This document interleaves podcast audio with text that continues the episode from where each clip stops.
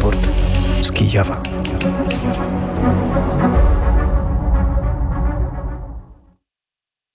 inwazji przeciwko Ukrainie w dziewiątym roku e, wojny. Z Lwowa wita się Paweł Bobołowicz, ale e, w Lwowie, jeżeli jestem w Lwowie, to oczywiście nie mogę być e, tutaj sam. Jest, są ze mną gospodarze Studia Lwów. Wojciech Jankowski, gorąco witam Państwa. I Artur Żak kłania się nisko a jesteśmy w Lwowie, jesteśmy w miejscu, które Państwo e, być może znacie, jeżeli słuchacie naszych wschodnich audycji, bo to miejsce chyba w jakiś sposób nam szczególnie przypadło do mm, gustu, ma w sobie ten klimat lwowski, ale też jest dobrym miejscem do obserwacji, a oczywiście o miejscu w Lwowie to musi powiedzieć dokładnie już informację przekazać Artur Żak. Jesteśmy w pasażu Krzywa Lipa, bardzo słynnym pasażu, który nawiązuje właśnie do Krzywej Lipy, pod którą praktycznie siedzimy ale kiedyś przed wojną to był pasaż, słynny pasaż Hausmana, jeden z pasaży, w którym właśnie elita miasta przychodziła, robiła zakupy, przychodziła się pokazać. I w jakim stopniu tak jest teraz, bo tu jest, są liczne kawiarnie, e, liczne miejsca, gdzie można odpocząć, napić się dobrej kawy, co właśnie teraz e, czynimy, jedząc też przypyszną szukszukę, więc myślę, że przed wojną też szukszukę w Lwowie jedzono, bo to jest e, słynna żydowska, czy też e, północnoafrykańska jajecznica. Zabrzmiało to wszystko tak e, miło, łagodnie i spokojnie. I jeszcze jak Państwo słuchaliście e, poranka Radia Wnet, to wiecie, że w ogóle w tym miejscu jesteśmy już dłużej. Może wyglądać na to, że nic innego nie robimy od rana, tylko na Krzywej Lipie w, w Lwowie pijemy kawę i e, jemy smakołyki, ale nie do końca tak to wygląda, pomimo tego, że rzeczywiście ta noc i poprzednia doba akurat na zachodniej Ukrainie minęła spokojnie. Tej nocy Wojtka Jan Jankowskiego i nas nie budziły alarmy. Tak, to prawda, chociaż byliśmy tak zmęczeni, że nie wiem, czy by nas w ogóle obudziły, gdyby, gdyby miały miejsce, ale szczęśliwie ta noc y, przebiegła spokojnie. Chociaż wieczór był dość intensywny, bo granica wyjątkowo bardzo sprawnie i szybko e, przekroczona. Prawdopodobnie nie jesteśmy pewni co do minut, ale stawiamy, że między 10 a 11 minutami, e, że w tym e, przedziale czasowym przekroczyliśmy granicę polską i ukraińską, więc to jest chyba rekord w naszej historii. A potem widok, który chyba zawsze się pojawia w takiej sytuacji, to znaczy kolejka tirów wyjeżdżających z Ukrainy. Paweł oceniał na 7 kilometrów kolejka do Polski. Szczerze mówiąc, Pawle, nie pamiętam ile mniej więcej tam wychodziło. E, myślę, że mogła być trochę większa. Ta kolejka do Polski zawsze jest rozbita na dwie części, bo e, najpierw fragment przy samej granicy, później przejazd e, przez Rawę Ruską. To jest przejazd bez tej kolejki tirów. Tiry nie wjeżdżają do miasta i później znowu za Rawą Ruską w kierunku Lwowa tiry stoją, ale trzeba jednak przyznać, że chyba nie można określić tego jako jakąś nadzwyczajną sytuację. Ta kolejka na pewno nie powoduje stania e, przez wiele dób, to, to o czym opowiadaliśmy wcześniej, natomiast e, zaskakuje później ruch tirów na ulicach, to też wielokrotnie już Państwu opowiadaliśmy, ale liczba ciężarówek no, przypomina ten taki ciągnący się pociąg właściwie ukraińskimi drogami, opowiadaliśmy Państwu to będąc na wschodzie, ale widzimy to też e, na zachodzie, to na pewno wskazuje jak dużo, dużo towarów na Ukrainę tą drogą dociera. W, w Lwowie wczoraj jak dotarliśmy wieczorem, to e, też już racjonowaliśmy dzisiaj e, w poranku. E, no, zderzyliśmy się z tym problemem energetycznym. Artur Żak mieszka w miejscu, które często teraz jest pozbawiane prądu. Niestety tak, ta dzielnica, w której mieszkam, w większości przypadków jest pozbawiona dostaw gazu, to znaczy po prostu tego gazu w większości budynków nie ma. Większość rzeczy jest na energię elektryczną, a to powoduje też odłączanie od systemu, żeby ratować właśnie w sytuacjach kryzysowych system energetyczny Ukrainy. Pomimo tego, że na zachodniej Ukrainie sytuacja z energią elektryczną jest dużo lepsza niż w centralnej Ukrainie, czy też południowej. Pamiętajmy o tym, że Kijów dotychczas boryka się z problemami z dostawami energii i tam setki tysięcy ludzi są odłączone od prądu. Wczoraj Denis Szmychal podał informację, że ponad 4,5 miliona odbiorców prądów na Ukrainie nie ma dostępu do, do tej e, energii.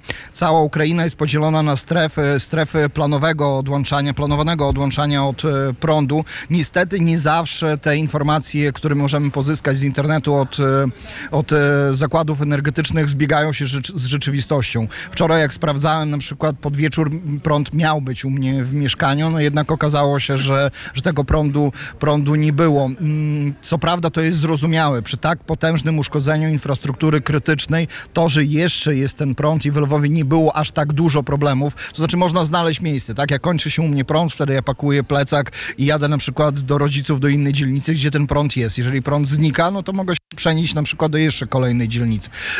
Jeżeli chodzi o pracę dziennikarską, niestety w sytuacji e, zwykłego życia, e, no tak się nie da. Jeżeli ja bym miał dłuż, dłużej byłbym pozbawiony prądu, identycznie automatycznie odpada woda, bo jest dostarczana woda tylko w sensie technicznym na podstawie zasilania z generatorów dieslowych i to jest tylko małe, bardzo ciśnienie wody, ciepła woda odpada, plus do tego nie przygotujesz sobie żadnego jedzenia, bo masz wszystko e, na prąd. E, dużo łatwiej jest ludziom e, na wsi, ale niestety w sytuacji wojennej często ludzie na wsi mieli trochę łatwiej, łatwiejsze życie niż ludzie w miastach, więc tak wygląda sytuacja w Lwowie. E, dzisiaj rano spotkaliśmy się też e, do, z dobrze Państwu znanym Erfanem Kudusowem, czyli osobą, e, krymskim Tatanem, który mm, teraz właściwie przemieszcza się pomiędzy Kijowem i zachodnią Europą, też pomagając tym krymskim Tatarom, którzy walczą w Zbrojnych Siłach Ukrainy. On nam opowiadał o tej sytuacji mm, w Kijowie. Dzisiaj przyjechał do, do, do, do, do Lwowa z Kijowa, no i mówił, że to życie w tych warunkach bez elektryczności, z tymi stałymi wyłączeniami, a czasami właśnie nieprzewidywanymi wyłączeniami jest bardzo ciężkie i to się e, odczuwa. Przypomnę, że Erfan też jest biznesmenem, prowadzi mm, e, restauracyjkę, kawiarnię e, Czeburek, z której bardzo często korzystaliśmy też do prowadzenia naszych mm, audycji i to też oczywiście jest utrudnienie, by taki biznes prowadzić. Wczoraj mieliśmy też drobną przygodę, właściwie to nie wiem, kto o niej powinien wspomnieć, ale ona ma też pewne odniesienie do tej sytuacji, o której za chwilę na pewno napowie więcej Artur e, Żak, ale wjeżdżając do Lwowa wczoraj trochę przedłużyliśmy nasz przejazd przez Lwów.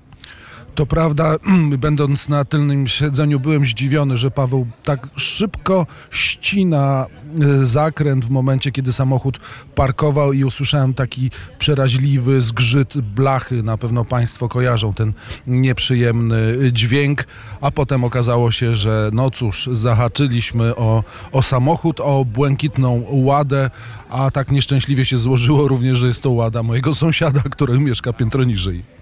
E, I niestety też e, no, uszkodziliśmy nasz samochód. E, to powoduje, że samochód musiał być jeszcze w nocy przekazany do naprawy. Mamy nadzieję, że samochód zostanie szybko nareperowany i w tym też pomagają oczywiście nasi lwowski, lwowscy przyjaciele i Żenia Szczur zawsze tutaj, który w takich sytuacjach, nie tylko zresztą nadzwyczajnych, okazuje nam pomoc. Kolejny raz wczoraj w nocy taką pomoc okazał. Ale to e, dlatego też e, trochę nawiązałem bijąc się w piersi, bo e, ta wczorajsza przygoda absolutnie jest wynikiem mojej chyba nieuwagi, albo nie wiem jak to nawet nazwać, ale na pewno z mojej winy to nie jedyne, a może nawet bardzo delikatna kwestia awarii samochodowej. Wczoraj Ukraina żyła o wiele ważniejszymi wydarzeniami, które łączą się w ogóle z poważną sprawą na południu Ukrainy. Wypadek samochodowy miał też Kirill Strimousow. E, to jest jeden z kolaborantów, jeden z najbardziej widocznych kolaborantów e, tego, tego regionu. Osoba, która wcześniej była zauważana właśnie w ruchu antyszczepionkowym. To był bardzo aktywny działacz ruchu antyszczepionkowego w czasie pierwszych miesięcy i w sumie lat e, epidemii czy te pandemii COVID-u. Automatycznie przy przyjściu wojsk rosyjskich stał się czołową postacią zarówno administracyjną, jak i medialną obwodu hersońskiego i samego Hersonia. Wczoraj w Strymusow, Kirill Strymusow miał wypadek. E, strona rosyjska poinformowała, że zginął w tym wypadku. Nie, nie pokazali ciała, nikt nie widział e, ciała mm, zmarłego kolaboranta. Później pod wieczór opublikowano zdjęcia z, e, z miejsca wypadku. No i samochód wygląda tak, jakby on się zderzył co najmniej z czołgiem T-72, bo pozostałe tylko koła i część systemów jezdnych tego, tego samochodu. Jednocześnie też otrzymaliśmy informację, że mm, że, że pewna grupa krymskich Tatarów przyznaje się do dokonania zamachu na, na tego kolaboranta. E, oczywiście jeszcze w przestrzeni medialnej e, strona ukraińska nie potwierdza tego, że kolaborant Kirill Strymusow e, zginął. I to oczywiście jest wszystko związane z tym kontekstem e, hersońskim, z tymi wydarzeniami, które mają tam miejsce i które wszyscy e, tutaj teraz obserwują i wszyscy się zastanawiają, czy Rosjanie faktycznie się wy, wycofują, czy Rosjanie się wycofują, czy muszą się wycofać, czy tylko to ogłosili i stoi za tym jakiś bardziej perfidny pomysł. Tutaj ja bym nie zwracał uwagi na to, co mówi e, minister obrony Rosji Szojgu, bo oczywiście taka deklaracja padła. Do takiej deklaracji przygotowywano przestrzeń e, informacyjną rosyjską już od wielu tygodni. Przecież pamiętamy e, wypowiedź, długie, długi wywiad rzeźnika z Syrii, dowódcę teraz wojsk rosyjskich na, na Ukrainie, który zapowiadał właśnie tego typu decyzje. Niemniej jednak ja bardziej bym zwracał uwagę na to, co mówią E, siły wywiadu ukraińskiego, że pomimo tej deklaracji Rosjanie mają umocnienia zarówno na przedmieściach e, Hersonia, jak i w samym Hersoniu. Są wykopane okopy na terenie samego miasta, są umocnione budynki w strategicznych e, miejscach, więc to jak zawsze sprawa leży, prawda leży po środku. Rosjanie muszą się wycofać, niemniej jednak ja bym nie liczył na to, że oni oddadzą Hersoń bez bez, e, bez boju, a to dlatego, że to jest jedyny tak naprawdę e, sukces armii rosyjskiej od początku tej pełnowymiarowej inwazji. Herson jest ich e, takim trofeum, które oni składają w ofiarze temu najbardziej krwiożerczemu narodowi rosyjskiemu. I to jedyne miasto obwodowe, które zostało zajęte po 24 e, lutego, znaczy jest utrzymywane, zostało zajęte, jest utrzymywane przez Rosjan w swoich, w swoich rękach. O tych wydarzeniach dzisiaj w poranku opowiadał też Dmytro Antoniuk, z którym teraz z Lwowa łączymy się, e, łączymy się z Kijowem. Dzień dobry Dmytrze. Dzień dobry Pawle, dzień dobry Wojtek, dzień dobry Arturze, dzień dobry Państwu. E, Dmytrze, ale nie będziemy teraz już e, rozmawiali o tych kwestiach związanych e, z wojną. Chciałbym, żebyś opowiedział, w jakim wydarzeniu uczestniczyłeś i wprowadził nas trochę w też ten klimat, o którym też zaraz opowiemy. Po Twojej relacji opowiemy o tym, co dzisiaj, czego można spodziewać się w, w Lwowie. Ty byłeś uczestnikiem ważnego wydarzenia w Kijowie. Dokładnie tak. Przedwczoraj w ramach obchodów Narodowego Święta Niepodległości Polski e, została otwarta wystawa prac Mikołaja Skobelskiego Braterstwo Krajobrazów Ukraina-Polska. I proszę Państwa posłuchać e, krótki komentarz e, pana ambasadora Bartosza Cichockiego z tego powodu. Z okazji 104. rocznicy odzyskania niepodległości przez Polskę zdecydowaliśmy się z konsulatem kijowskim podarować mieszkańcom Kijowa, gościom stolicy, wystawę Mykoły Skobelskiego, ukraińskiego malarza ukraińskich krajobrazów pochodzenia polskiego. Wystawa będzie trwała do końca listopada. Chcemy, żeby w tym trudnym e, czasie, e, kiedy wszyscy na co dzień martwimy się o swoje bezpieczeństwo, ciepło w domach, o światło, żeby jednak odpocząć chwilę, zrelaksować się przy tych pięknych pracach. Bardzo dziękujemy też panu Mykole za, za pomysł, za inicjatywę zbiórki pieniędzy na cieplacze, na takie wkładki ocieplające dla żołnierzy ukraińskich. Zachęcamy do udziału w tej, tej zbiórce. Także płynie też z tej wystawy nie tylko duchowa, ale miejmy nadzieję materialna pomoc dla, dla obrońców Ukrainy, dla obrońców Europy. I to był e, ambasador Rzeczypospolitej Polskiej w Ukrainie, pan Bartosz Cichocki, na otwarciu wystawy prac Mikołaja Skobelskiego, Braterstwo Krajobrazów Ukraina-Polska. I przypominam też, e, że ta wystawa jest w Kijowie, e, działa w Kijowie do końca listopada, a ja miałem przyjemność naprawdę oglądać te obrazy i tam są obrazy jak z Ukrainy, w tym z Kryma, bo stworzone były w, jeszcze w 2000 2013 roku w, w, na, na krymskim wybrzeżu Morza Czarnego. Przepiękne naprawdę obrazy. Te, też jest świrz z zamkiem w obwodzie lwowskim, ale też jest Polska i te obrazy były stworzone teraz w, jak w czasach pandemii COVID-u, tak i teraz w 2022 roku, kiedy, kiedy malarz Mikołaj Skobelski przebywał w Polsce na zaproszenie swoich kolegów i tam tworzył te dzieła sztuki. Także naprawdę zapraszam i w ogóle atmosfera tej otwarcia tego, tej wystawy była niezwykła, bo wszędzie wokół to jest centrum miasta, e, galeria Mytec, to jest e, ulica Wielka Waselkiwska 12, niedaleko od, od bazaru e, w, w, w, centrum miasta, niedaleko od Chreszczatyka, to w, wszędzie nie było prądu na, na, na zewnątrz, bo już było ciemno, ale w tej galerii było światło i było no, naprawdę przyjemnie. Dmytrze, jednym z elementów e, obchodów też e, Dnia Niepodległości, Święta Niepodległości w Kijowie będzie to, co wydarzy się w poniedziałek, otwarcie nowej siedziby Instytutu Polskiego. Razem tam będziemy i na pewno dla Państwa będziemy to wydarzenie też e, relacjonować. Będziemy tam też z Wojtkiem Jankowskim, ale dzisiaj będziemy świadkami w Lwowie innego wydarzenia. Rozpoczęła się wizyta wicemarszałek Sejmu Rzeczypospolitej Polskiej Małgorzaty Gosiewskiej na Ukrainie Ukrainie. W, w tym momencie pani e, marszałek przebywa w, w, w podlwowskich mościskach, e, gdzie jest pochowany jeden z e, uczestników tej wojny przeciwko Federacji Rosyjskiej. To szczególnie ważny grup i ważne miejsce nie tylko z perspektywy ukraińskiej. Tak, 3 listopada odbył się pogrzeb e, Mariana Mat Matusza. Spoczywał on na cmentarzu mościskim 3 listopada. Arcybiskup Mokrzycki uczestniczył, właśnie przewodniczył mszy e, żałobnej. Został pochowany z honorami w przemarszu przez miasto.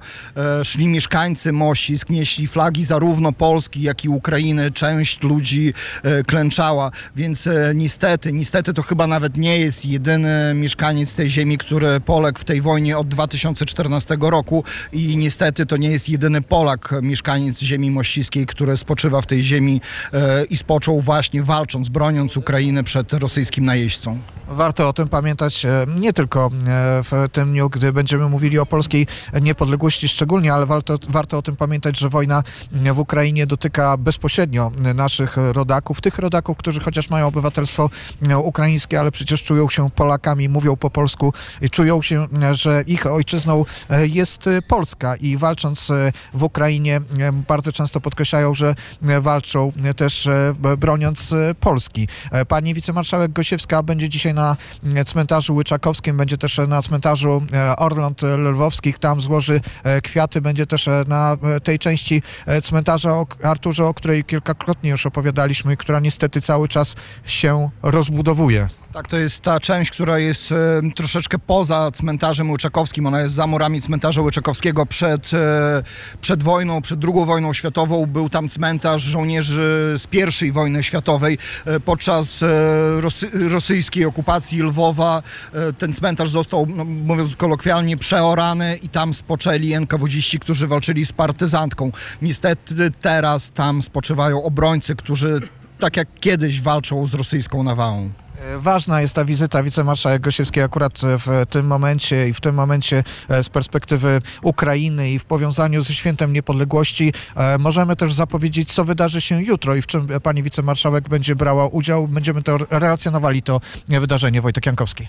I jest to wydarzenie, które poniekąd już zapowiedzieliśmy w Radiu Wnet. Karol Kus w rozmowie telefonicznej, lider zespołu Taraka, zapowiedział koncert 11 listopada w czwartek w Święto Narodowe w Stanisławowie które teraz nazywa się e, piątek, przepraszam, to będzie piątek e, w mieście, które nazywa się teraz Iwano-Frankivsk. Współorganizatorem tego wydarzenia jest Centrum Kultury Polskiej i Dialogu Europejskiego i nie odbędzie się ten koncert w sali z powodu przepisów, ponieważ w czasie wojny nie może być to w salach odkrytych, gdzie nie ma schronów, a więc będzie to w specjalnym miejscu. W specjalnym miejscu, ale koncert będzie transmitowany na antenie Radia Wnet. Czas Polski jutro o godzinie 17 zespół Taraka. Serdecznie zapraszamy, a my będziemy relacjonowali nie tylko wizytę pani e, w- wicemarszałek Sejmu Rzeczypospolitej Polskiej Małgorzaty Gosiewskiej na Ukrainie, ale oczywiście wszystkie wydarzenia z Wojtkiem. Spędzimy najbliższe dni razem, opowiadając o tym, co dzieje się e, w tym e, kraju. Raport z Kijowa, dzisiaj z Lwowa